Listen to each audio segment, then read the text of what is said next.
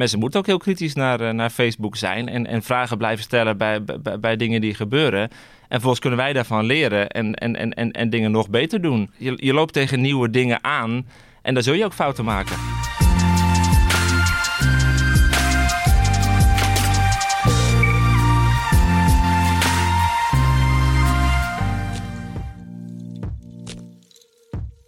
Hallo en welkom bij deze speciale aflevering van de Dit Wordt Het Nieuws podcast. Mijn naam is Gert-Jaap Hoekman, ik ben de hoofdredacteur van Nu.nl.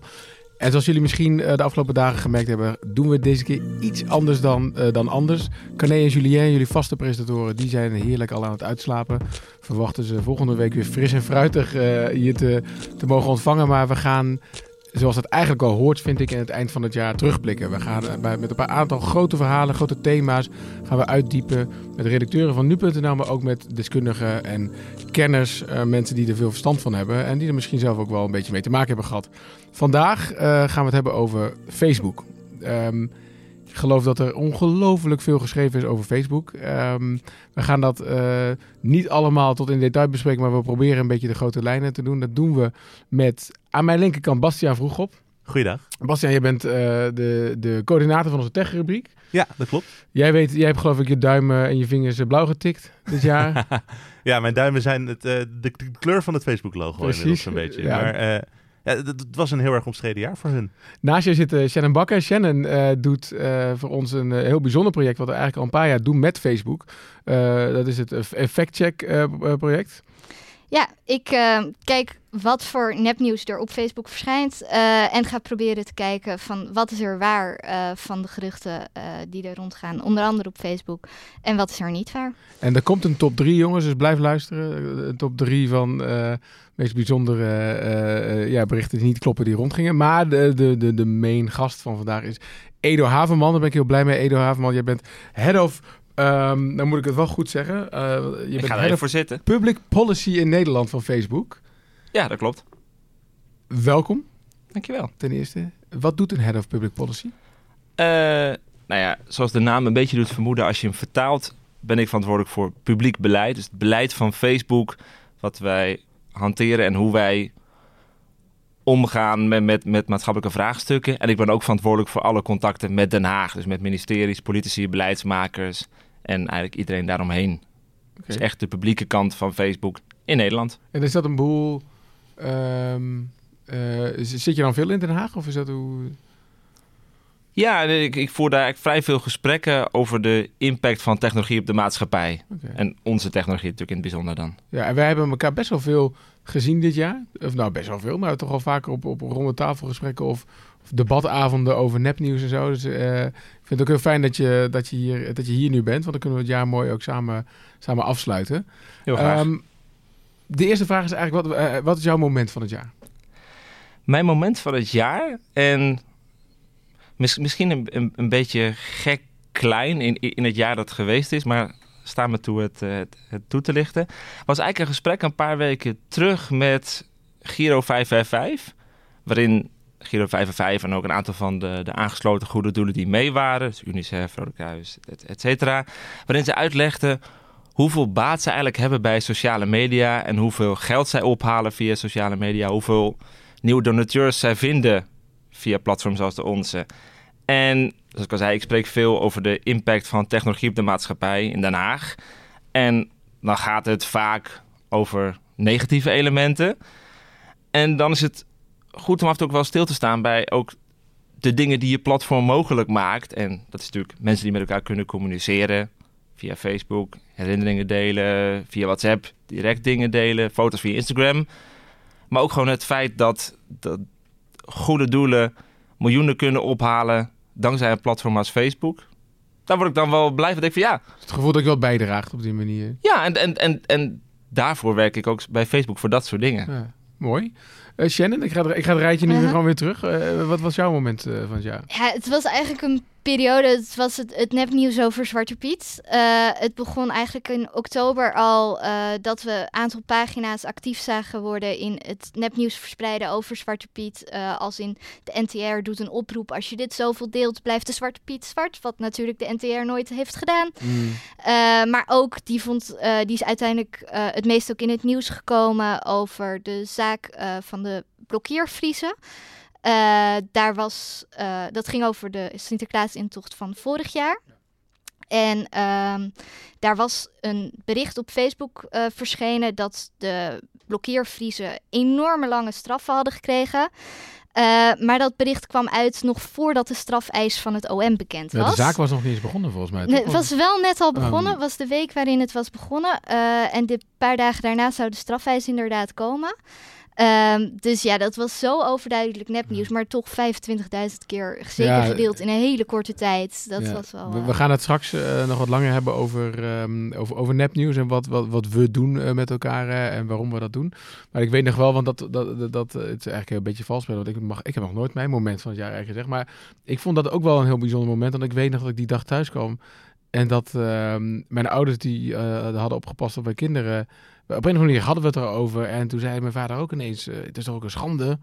En toen dacht ik, uh, maar uh, toen werd ik echt boos op hem. Van niet, niet per se dat hij dat zei, maar dat hij gewoon oprecht dacht dat dat gewoon waar was. En het heeft mij wel heel erg gesterkt, maar dat, daar gaan we zo nog even verder over praten. Dat dat, dat dit wel een probleem is in Nederland. Of wel een probleem kan zijn op sommige momenten. Maar goed. Had je daarvoor gedacht dat hij, dat hij zeg maar in nepnieuws zou trappen? Nee, daarom. Dus ik, ik dacht maar uh, dat, hij, dat hij wel, wel mediawijs, hè, daar gaat natuurlijk ook mhm. veel over mediawijs. Ik dacht dat hij wel mediawijs zou zijn. Uh, voor mij denkt hij zelf nog steeds dat hij dat is. maar ik dacht wel, hier is wel, hier is wel werk aan de winkel. Dus het is wel mooi om denk ik straks nog even over door te praten. Bastiaan, tot slot. Wat is, jouw, wat is jouw moment van Nou, we hadden het erover. Ik heb heel veel nieuws over Facebook in dit jaar geschreven. Dus het was wel lastig om een moment te kiezen.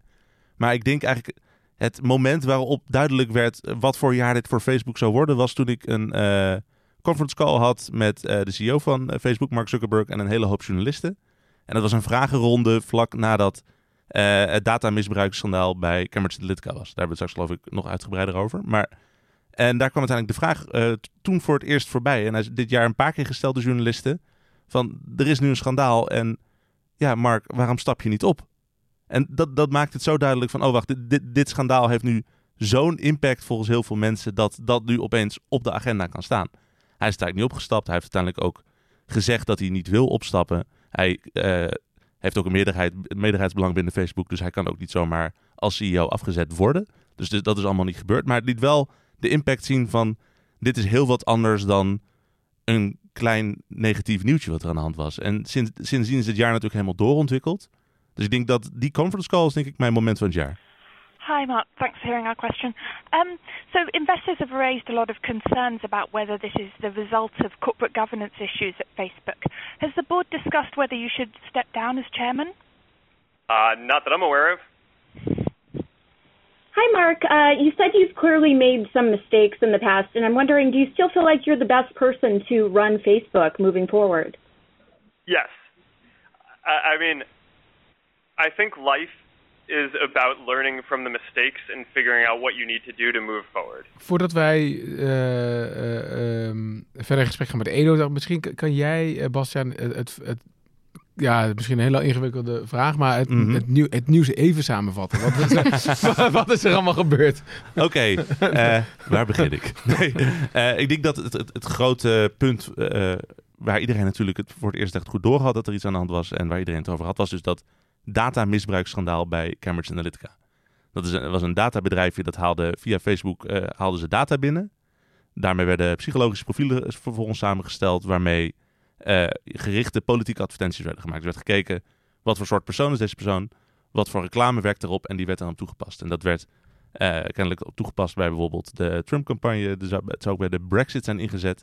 En dat is eigenlijk het eerste duidelijke voorbeeld van, want we weten natuurlijk allemaal veel langer dat uh, data op dergelijke wijze wordt gebruikt. Dat was het eerste voorbeeld dat we het gebruikt zagen worden op een manier dat mensen hadden, oh wacht, hier heb je bij stilgestaan. Edo, je mag ingrijpen. Ik zag jou met je hoofd schudden. Nee, ik, ik kan heel veel nuances aanbrengen. En ik denk dat ik dat misschien ook gewoon voor een groot deel niet moet. Omdat ik dit een evident voorbeeld is van dingen waar we als Facebook uh, niet perfect hebben geacteerd. En waar we inmiddels gelukkig heel veel van geleerd mhm. hebben. Maar wat klopt er uh, niet, uh, denk je? Nee, ik, ik, ik, denk meer aan, aan nuances die, die, het nieuws niet gehaald hebben. Bijvoorbeeld, ik denk dat het goed is om te melden er was een uh, specifieke professor, Dr. Coogan, mhm. die een bepaalde app had gemaakt. This is Your Life, waarmee hij inderdaad data van Facebook had gehaald. Met toestemming van die gebruikers, maar ook meer data dan dat. En die heeft dat vervolgens een gedeelte van die data weer doorverkocht. En daar is op een gegeven moment natuurlijk, daar is pas Cambridge Analytica in de loop gekomen. En iets wat bijvoorbeeld dan minder bekendheid geniet, is dat er geen enkele reden is, uh, geen enkele wijze of geen enkele reden om aan te nemen dat er data van niet uh, Amerikaanse gebruikers is gedeeld. Dus als je Nee, bijvoorbeeld aanhaalt van dat is ook gebruikt in Brexit, dat Toen is zeer, zeer onwaarschijnlijk. Nee, oké, want het zou gaan inderdaad om gegevens van in totaal 87 miljoen Facebook-gebruikers. En maximaal 90.000 Nederlanders zouden daartussen zitten, inderdaad. Maar of het inderdaad op die manier ook bij al die mensen is toegepast, dat weten we inderdaad. Nee, het, het- het- in de app is, is die data verzameld. Ja. Vervolgens het, het al dan niet doorgeven van die data aan Cambridge Analytica, Mhm. die niet zelf de app had, Mhm. dat is een veel kleinere groep. Maar dat is natuurlijk ook wel een voorbeeld van wat het nieuws haalt en wat niet het nieuws haalt. Eh, hoe heb jij eh, dit nieuws ervaren als, als medewerker van dit bedrijf? Zeg maar het, het jaar, want eh, eh, dit is natuurlijk één voorbeeld en ik dacht al, ik stel de vraag om het jaar, maar dat was natuurlijk eigenlijk een kansloze vraag. Want eh, dat kan, dat we kan straks nog verder. Nee, maar misschien is het jaar wel samen wat er in Facebook is best wel. Er is veel ophef geweest over, over dingen we te maken hebben met data en Facebook. En hoe heb jij dat ehm, eh, ehm, ja, ervaren? Nou, ik denk, ik, ik denk dat het hoogtepunt eh, van jou wellicht eh, het dieptepunt van mij was. In Nou, het zin was van... niet het hoogtepunt, hè, meer het, het moment. Het. Ja, nee, nee, sorry. Ja. Ik, ik bedoelde het niet, eh, niet, niet Niet vervelend. zoals wij hier trouwens zitten te... eh, Nee, ik, ik zit niet te feesten van, oh, wat gaat het goed of wat Nee, gaat nee, het nee. slecht. Dat, maar het is wel, dat impliceer ik niet. Nee, het maar laat meer van, zien wat belangrijk is. dat, dat is natuurlijk niet een leuk moment als je bedrijf een aantal dingen fout doet en daar dan ook keihard op wordt aangepakt. Of, zeg maar, of dat nou terecht is of niet, het is sowieso niet, niet leuk als je daar deel van bent. En, en vervolgens, misschien nog e- één stap afstand nemend. Ik werk bij Facebook omdat ik geloof in technologie, in de kracht van technologie om mensen met elkaar te verbinden. En, en dat we dat binnen onze missie ook proberen en, en, en, en best wel goed in zijn. Om mensen bij elkaar te brengen, om afstanden te verkleinen. En een incident als deze, die schaadt het vertrouwen enorm. En, en, en die hindert je in het uitvoeren van je missie. Die maakt dat mensen niet op je platform willen zitten of niet met je platform geassocieerd willen worden. Mhm. En daardoor staat het eigenlijk in de weg van de goede dingen die je wilt doen. En dan moet je dus dubbel zo hard werken om dat vertrouwen weer op te bouwen. Zodat mensen je misschien wel weer vertrouwen. en hoe doe je dat? Eh, enerzijds door eh, te acteren op wat er gebeurd is. We hebben natuurlijk een aantal aanpassingen gedaan op de manier hoe we data delen. Dat hadden we natuurlijk in 2015 al gedaan. Maar daar hebben we nog eens een aantal slagen overheen gemaakt. Dat, Mhm. dat zelfs met toestemming je nog maar een hele beperkte data ook van jezelf kan delen met, met derde apps. En tevens het nalopen van alle apps die ooit eh toegang hebben gehad. En daar kijken van oké, zijn er nog meer dingen misgegaan? Dat volgens melden aan gebruikers. En vervolgens proberen zoveel mogelijk positieve dingen te doen met je platform. Dus mensen denken van, hé, hey, dat is eigenlijk wel fijn dat dit kan, dat dit bestaat en dat dit werkt. Dat ik met mijn familie kan communiceren, dat ik deze foto kan delen. En dat ik inderdaad een foto van mijn trouw kan delen... waarop mensen die ik al heel lang niet meer gesproken dit hebben van... hé, hey, wat cool. Ja, maar eh, tegelijkertijd, het is... Om, om nog even eh, de samenvatting van het jaar eh, proberen bondig Ja, je gaat het toch proberen. voor te Mooi, ja, zetten. Maar het, heeft natuurlijk een hele grote impact inderdaad gehad. Want eh, Mark Zuckerberg is uiteindelijk bij het Europees Parlement geweest en bij het Amerikaans Congres. Eh, er zijn dit jaar meerdere toezichthouders geweest, onder andere in Italië en het Verenigd Koninkrijk zijn ook boetes erbij uitgedeeld. En jullie liggen als bedrijf natuurlijk nu wel onder het vergrootglas. Als je ook kijkt naar, eh, we hebben in deze maand zijn er nog toevallig verhalen geweest over partnerships met hele grote techbedrijven zoals Spotify en Netflix, die toegang hebben tot gebruikersdata met eh, bre- bredere deals. Dat, blij- eh, dat vertellen heel veel bronnen in de New York Times. Jullie betwisten dat wel in enige vorm, omdat daar duidelijk wel toestemming volgens jullie voor gegeven is door gebruikers. Zij zeggen van niet. Dat soort verhalen zouden denk ik niet in deze schaal naar buiten zijn gekomen als eh, Cambridge Analytica aan het begin van het jaar niet op die manier in het nieuws was gekomen. Nou, sowieso voor het eerste punt van mij, we geven inderdaad in een eigen, eigen blog iets meer duiding aan Mhm. van oké, op welke manier delen wij met welke partijen, wanneer is dit geëindigd en welke dingen zijn doorgaan en waarom. Ja, Want soms is het ook gewoon heel logisch dat je dingen in een app kunt zien, kunt openen en een berichtje kunt sturen. Maar goed, daar, eh, dat kan iedereen teruglezen. Maar ik denk daarbij dat het ook wel logisch is dat een bedrijf dat wereldwijd door 2,3 miljard mensen gebruikt wordt, of een app, want over de apps heen misschien zijn het bij elkaar nog wel eh, iets meer. ik denk dat het alleen maar logisch is en goed is dat zo'n bedrijf onder een vergrootglas ligt. Mensen moeten ook heel kritisch naar, eh, naar Facebook zijn en, en vragen blijven stellen bij, bij, bij dingen die gebeuren. En vervolgens kunnen wij daarvan leren en, en, en, en, en dingen nog beter doen. Er zijn, ook, er zijn ook een heel veel vragen waar je aanloopt, tegenaan loopt als groot platform, die überhaupt nog niet beantwoord zijn. Want je loopt tegen nieuwe dingen aan, je bent disruptief.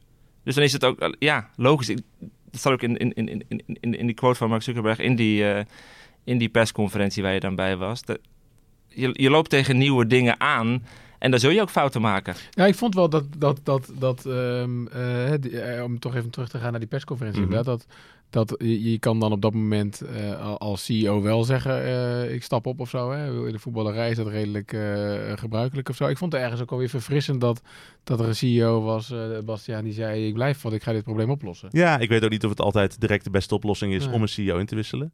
Tegelijkertijd wel natuurlijk, als we deze podcast een jaar geleden hadden, hadden opgenomen, dan had op de plek van Edo denk ik iemand van Uber gezeten, want die hebben toen zo'n jaar gehad.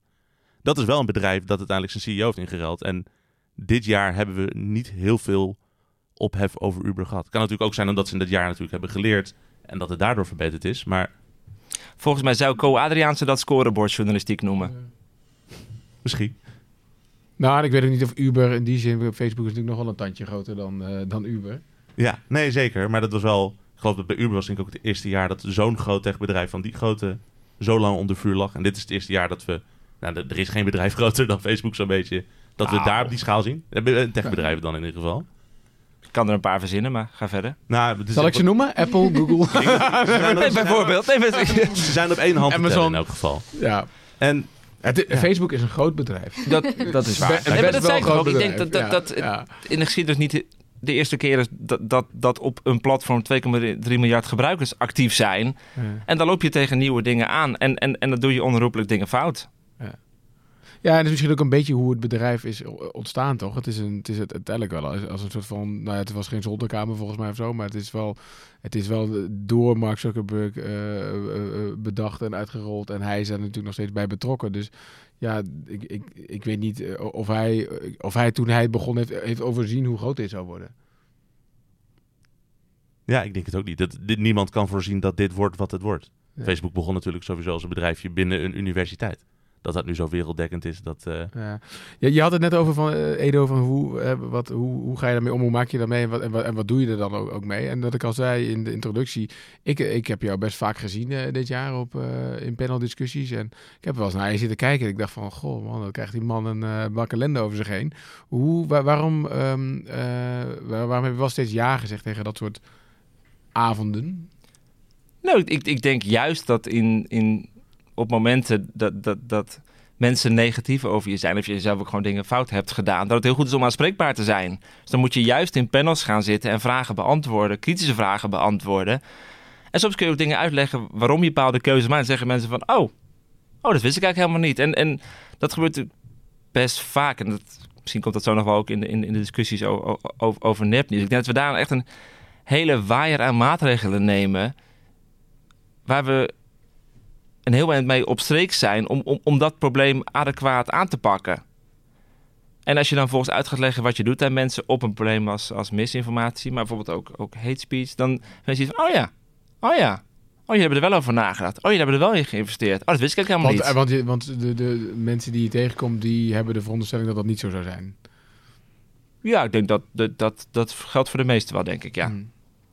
En ehm, Ik denk, dat, ik denk dat weinig mensen weten dat als het bijvoorbeeld gaat om, om dingen die je rapporteert op ons platform, zoals bijvoorbeeld eh, discriminatie of pesten of spam, dat er aan de achterkant der- 30.000 moderatoren zitten wereldwijd om daar, eh, om daar snel en adequaat op te reageren. ja. Wist jij het? 30.000? Ja. Wist ik niet. Nee.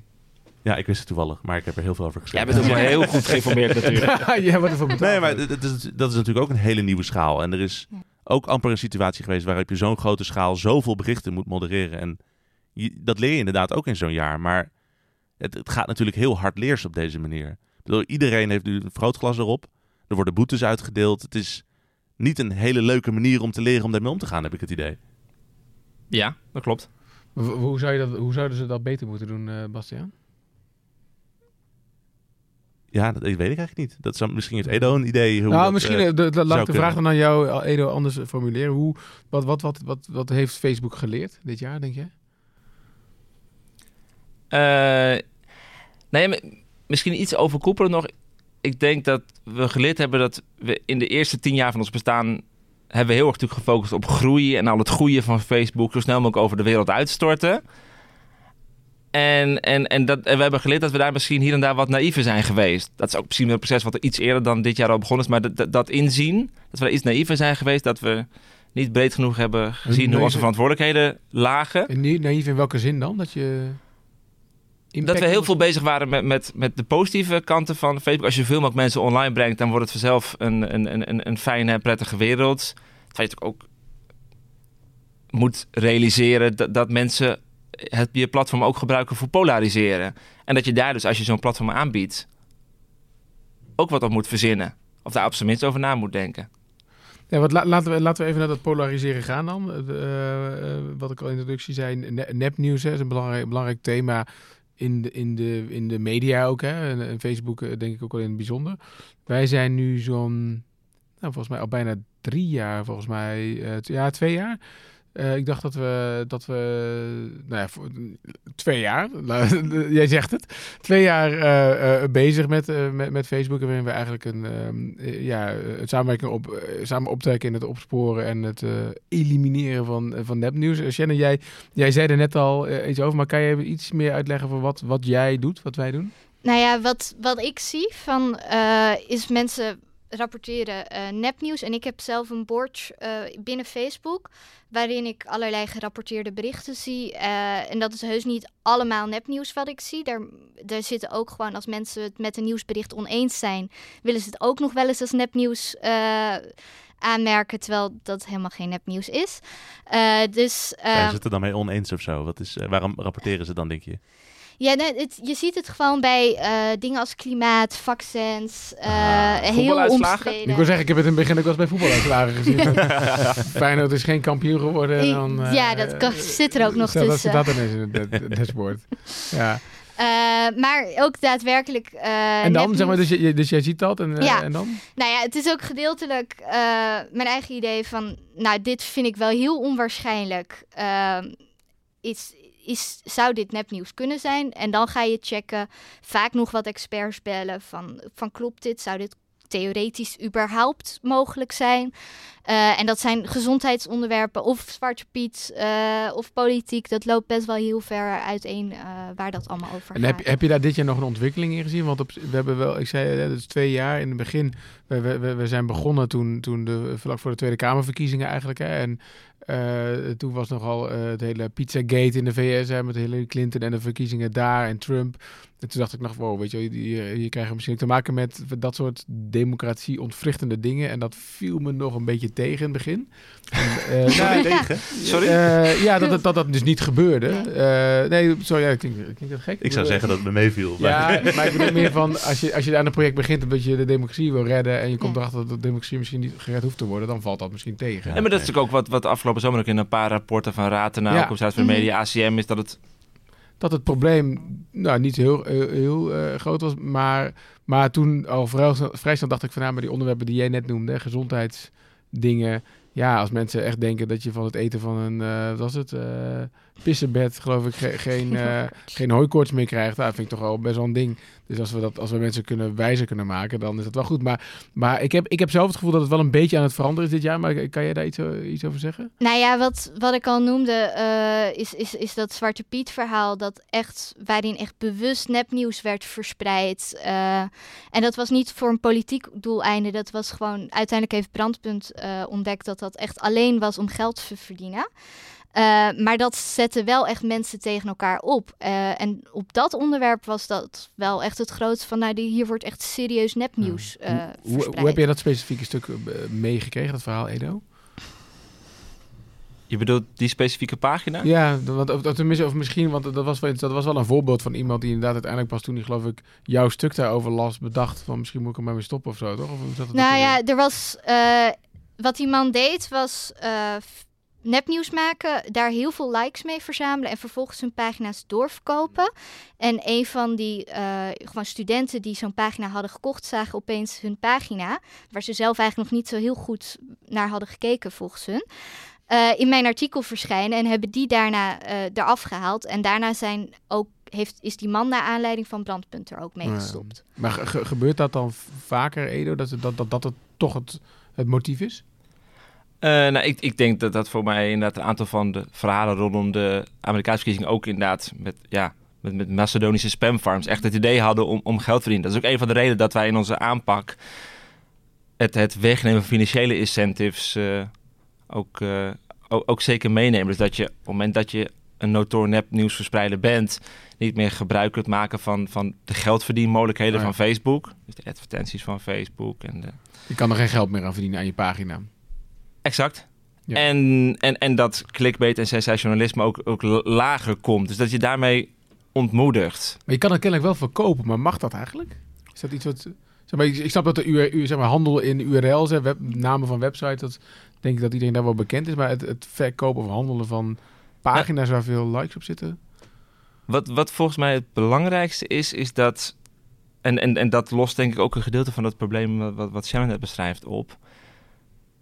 Je, als je een pagina een naam heeft, dan mensen liken dat met een bepaald idee van oké, Ja. dan krijg ik dus berichten over Zwarte Piet, of de- over Ajax, ja, want deze of over pagina he- hardlopen. heette volgens mij eerst ehm, ja, Ajax-fan of zo, of Amsterdam-fan of zo. En dat werd Ja, toen- een van die drie pagina's Ja. is inderdaad vaak van hem veranderd. Nou ja, maar en, en, en als je daar een, een, een, een grote draai in maakt en in één keer een ander onder, eh, andere paginanaam Mhm. hanteert, dan overtreed je onze regels. En dat is wel een reden om of de naamverandering terug te draaien, dan wel de pagina eraf te halen. Ja. Dus het, het, het- ik vind het op zich bemoedigend om te horen dat, dat onze tools op dat punt eigenlijk adequaat zijn. Of het, is de, de, de- het, het beleid daartoe de mogelijkheden biedt. Mhm. En daarbij hebben we dit jaar ook wat, eh, een aantal transparantiemaatregelen genomen. Bijvoorbeeld dat je van een pagina heb je een knopje op desktop inf- informatie of info en advertenties. Ja. En op de telefoon heb je zo'n i'tje ergens boven de foto Mhm. van, van een pagina. Als je daar klikt, zie je sowieso welke advertenties die pagina allemaal op dat moment voert. Maar ook Oh of de paginaam naam in de tijd veranderd is en wat de voorgaande Mhm. namen waren. En dat biedt jou de mogelijkheid, bijvoorbeeld als journalist, om te zien van... hé, hey, hier is iemand een beetje een raar spoor aan het trekken of een rare draai gemaakt. Kan volgens iemand dat aan ons rapporteren. En maak je eigenlijk dat businessmodel van een publiek opbouwen... en dan vervolgens eh, dat op een hele andere manier te gelden maakt. Dan maak, ja, maak je enigszins kapot. Maar zou, je zou kunnen zeggen dat misschien Facebook het gewoon moet verbieden of zo, dat je een pagina kan verkopen. Ja, of de naamswijziging eruit zou Of, kunnen of de naamswijziging, dat je gewoon het moeilijker maakt om dat te doen. Ja, wat, wat, ik, wat voor mij ook opviel, van nou, deze man had heel veel pagina's, maar ja, het was uiteindelijk met een trucje te achterhalen dat het dezelfde persoon was eh, die achter al die pagina's zat. Maar dat kan je als leek echt totaal niet zien dat het dezelfde persoon. En dat, dat vond ik nog wel iets van, wellicht is daar iets te doen van, kan je zien wie, wie erachter zit, of in ieder geval dat het dezelfde persoon is.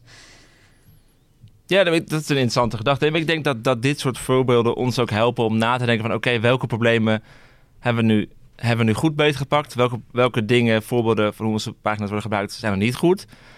Tegelijkertijd, we hebben nu een aantal, een aantal landen aan het experimenteren met... laten zien waar de, de, de admin, de beheerder van een pagina vandaan komt. Dus of die uit Nederland komt. En ook bijvoorbeeld, naam in Amerika is het praktisch dat je kunt zeggen van... oké, dat is echt inderdaad eh, Een Rus. echt een Amerikaan dus. Oh, Tegelijkertijd zijn er ook best een aantal landen waar oppositiepartijen een, eh, een, een, een pagina hebben. En waarbij de admins van die pagina's ons zeer, zeer op het hart drukken om zo min mogelijk informatie over de, de beheerders van die pagina's te delen. Want die weten ook wie er dan eh, s s'avonds op de stoep staat. eh.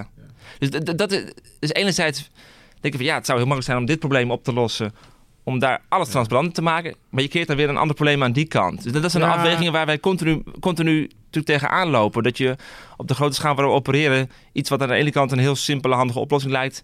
ergens anders weer problemen. En dan heb je dus... is het altijd een goede eerste stap om, om, om transparant te zijn. Ze laten zien, oké, deze naamswijzigingen vinden plaats. Of hier komen de, de, de beheerders vandaan. Of deze advertenties lopen er. Zodat je mensen in staat zet om te rapporteren. En daarmee dus alsnog bepaalde businessmodellen mogelijk te maken. Het zijn kleine stapjes. Maar als, er, ja, als je een hele simpele silver bullet hebt die alles oplost, dan uh, zou het mooi Mark- zijn om Mark- op de laatste dag van het jaar nog even mee te pakken. Mark.facebook.com. denk ik, ik weet niet. Dan vraag ik me wel af dat, eh, want ik heb toen het Zwarte Pieter nieuws naar buiten kwam, heb ik nog met jullie eh, woordvoering ook een tijdje contact gehad van, hey, is er nou een zo'n war room, zoals je met de eh, Amerikaanse verkiezingen hebt, die specifiek op jacht gaat naar dit nieuws, maar dan over Zwarte Piet? Dat, bestaat dan, eh, dat bestond dan dit jaar niet, maar leren jullie hier nou van en is dat nou iets dat jullie dan in een toekomstig jaar toepassen? Want kennelijk gaat er heel veel Zwarte Piet nieuws eh, te ronden, dat weet je nu in 2018. Is dat dan iets waar je in 2019 echt preventief in, eh, op inspeelt? Nou, ik, ik, ik, weet niet of de term war room nou echt iets wat, waar je mij moet zoeken. Ik denk dat onze moderatoren, daar mag je wel van uitgaan, goed op de hoogte zijn van het fenomeen Sinterklaas. En, en, en, en, en, eh, de diversiteit in, in meningen over, eh, over, eh, over, over verschillende soorten Piet.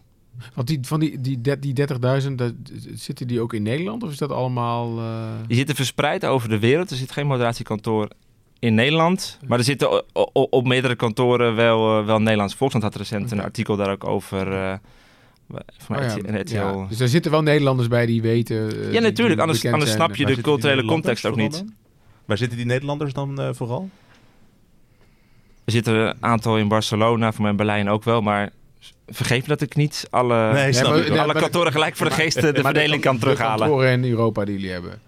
Ja, volgens mij. Ik geloof niet dat ze inderdaad ook in, in de Aziatische kantoren zitten. Maar Hmm. vergeef me als er wel eentje zit. Dan, Maar het is echt Nee, dat verspreid. Het is vergeet niet dat het. Nederlandse team eh, alleen in Barcelona zit of zoiets. Nee, zit inderdaad verspreid. En die, wat is dat, en die, en die, eh, want die, zouden, die, die zijn nu nog scherper of zo dan voor volgend jaar. Of, ik bedoel, want uiteindelijk kan je zeggen, ik weet niet of er veel is gegaan, maar er zijn een paar van die berichten die wel zeg maar, de- boven de oppervlakte zijn geraakt of zo dit jaar. Eh, over Zwarte Piet met name. Waarvan ik dacht, oh, dit is dus eigenlijk wel precies de reden waarom wij eh, iets aan dit probleem willen doen. Maar eh, goed om te benadrukken, zeg maar, onze moderatoren kijken naar waar de, de richtlijnen voor de community, dus de richtlijnen voor, voor, voor Facebook worden o- overschreden. Dus heb je het om discriminatie, pesten, terroristische content. Zij vellen geen oordeel over nieuws, of het nep is of niet, of het waar is. Dat kunnen zij niet, dat kunnen wij niet. Dat doen we dus via verschillende andere wegen, via omwegen eigenlijk. Wat ik zei, we halen de financiële incentives weg. We halen grote schaal nepaccounts naar beneden. Dat is belangrijk, want dat zijn notoren verspreiders van misinformatie. Maar tevens ook ja, false amplifiers. Heb jij daar een mooie vertaling voor? Eh, nee, het is een heel mooi Engels woord, maar in Nederlands heb ik er niet zo snel voor. Maar je, je, je suggereert, die suggereren viraliteit. Dat jij dan zegt van, oh, hij is 30.000 keer gedeeld. Dus, dus dat wil je ook niet. Want daar denk je van, oh, dat is inderdaad heel belangrijk. Terwijl het misschien dat wel niet is. En, en, de, en de derde poot is dan het versterken van, eh, van, van het ecosysteem van, van de maatschappij. En de mediawijsheid al daar. En dat is deels door, door vullende informatie bij artikelen te bieden. Bijvoorbeeld van, van externe factcheckers. Maar ook door, eh, door het verspreiden van, eh van mediawijsheid lesmaterialen. Ja, we gaan het morgen hebben over, eh, of maandag gaan we het hebben over Dotan. Dus misschien dat do-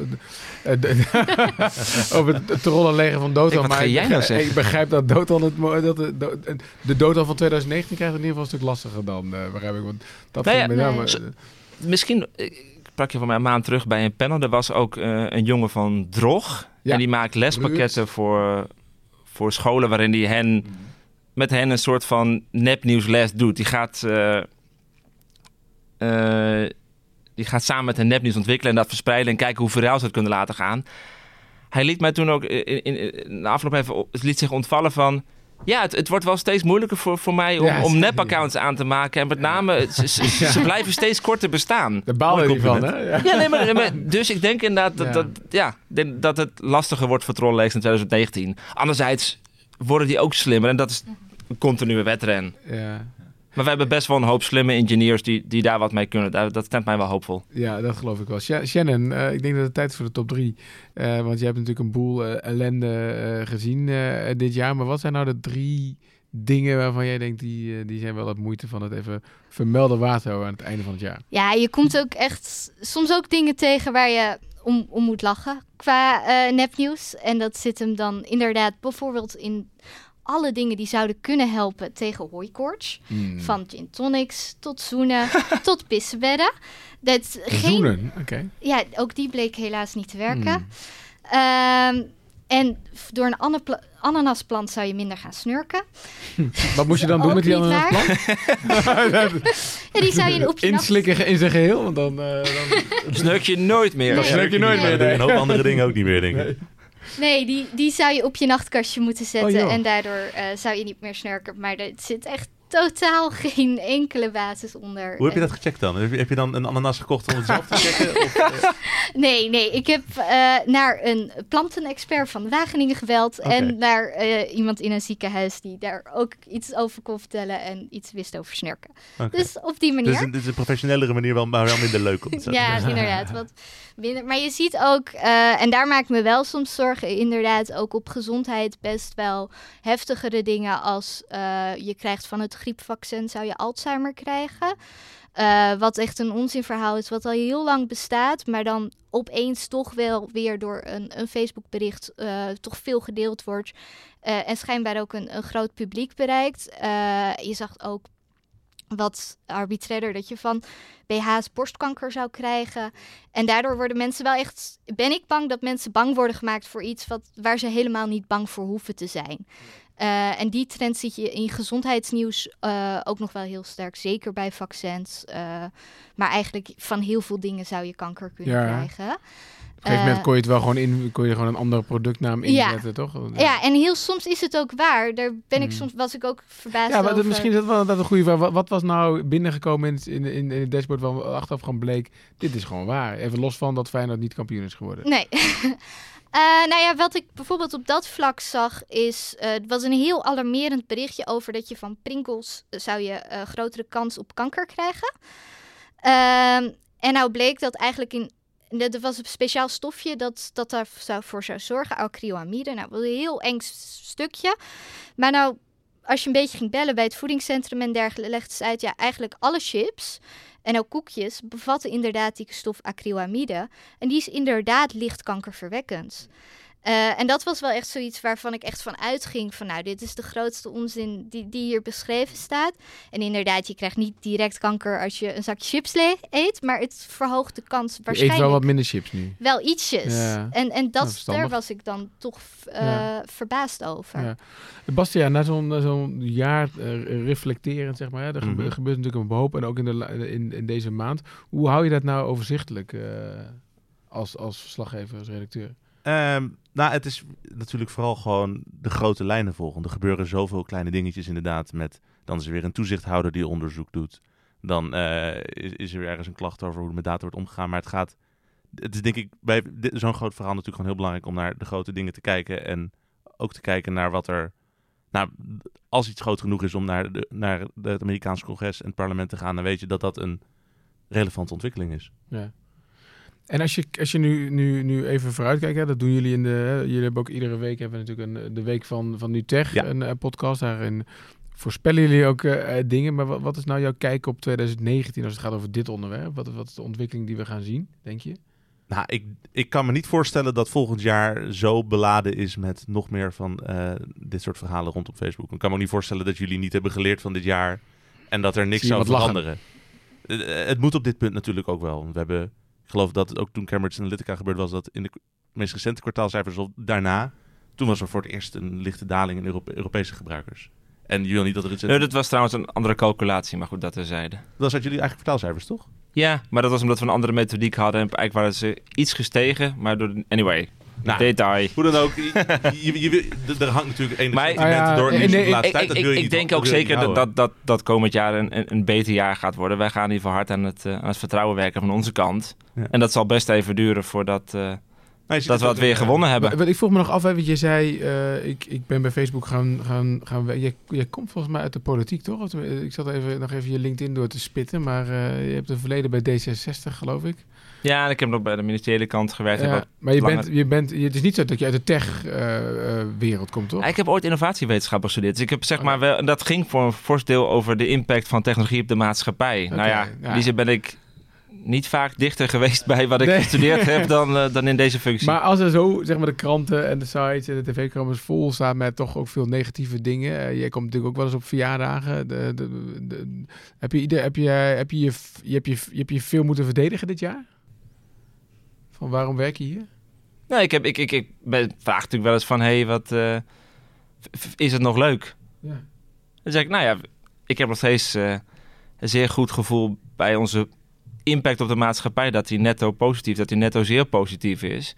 En eh het zal alleen wat harder moeten werken om dat, eh, om dat over de bühne te gaan krijgen.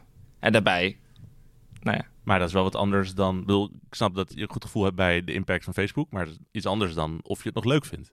Om, ondanks inderdaad die impact, dat je constant dat sentiment eromheen hebt. En mensen op verjaardagen die je lastig vallen van... nou, ik heb weer wat gelezen over je bedrijf. Ja, nou, dat, dat, daar ligt voor mij wel heel dicht bij elkaar hoor. Als, ik, ik wil in mijn werk iets doen waar ik in geloof, waar ik blij van word. En dat is, ja, dat is technologie. En, en, en zorgen dat het op een goede manier in de maatschappij landt. En dat is precies wat ik doe.